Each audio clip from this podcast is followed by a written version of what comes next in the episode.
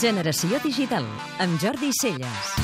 Amazon és una empresa acostumada a trencar les normes establertes a les indústries culturals per tal de fer canviar processos i canals de distribució i, de passada, fer-ho jugar tot a favor de la seva compta de resultats.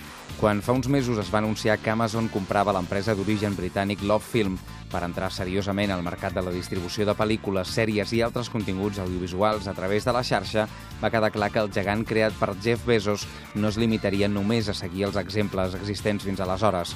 Segurament, per la seva transcendència social, el sector de l'audiovisual és un dels més seguits a l'hora d'avaluar l'impacte de la revolució digital sobre els mitjans de tota la vida. En aquest cas, el cinema i la televisió. Els serveis com Netflix o Hulu, juntament amb les innovacions de la televisió digital a la carta, estan canviant cada dia la forma com es consumeixen els mitjans com la televisió. Els usuaris decideixen el contingut que volen veure, en el moment en el qual el volen veure, sense esperar l'hora concreta en què s'estrena. De totes maneres, aquest és senzillament una constatació del canvi en els canals i les finestres de distribució de les pel·lícules i les sèries de televisió.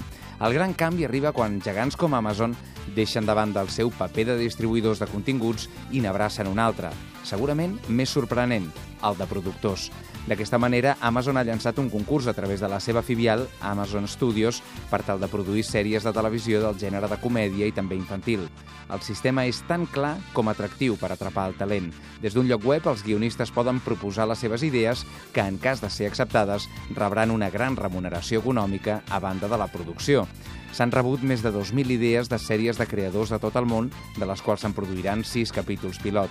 A més, a data d'avui, Amazon Studios ha rebut més de 7.000 guions potencials de pel·lícules i ja té 15 films en projecte.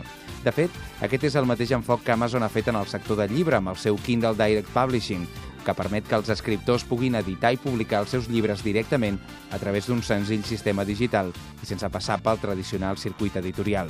Les regles del joc en el sector audiovisual estan a punt de canviar definitivament. Les produccions s'hauran d'acostumar a recórrer un altre tipus de circuits de finançament que fins ara mai s'haurien imaginat per tal de poder ser una realitat. Podeu escoltar Generació Digital cada dissabte de 4 a 6 de la tarda a Catalunya Ràdio.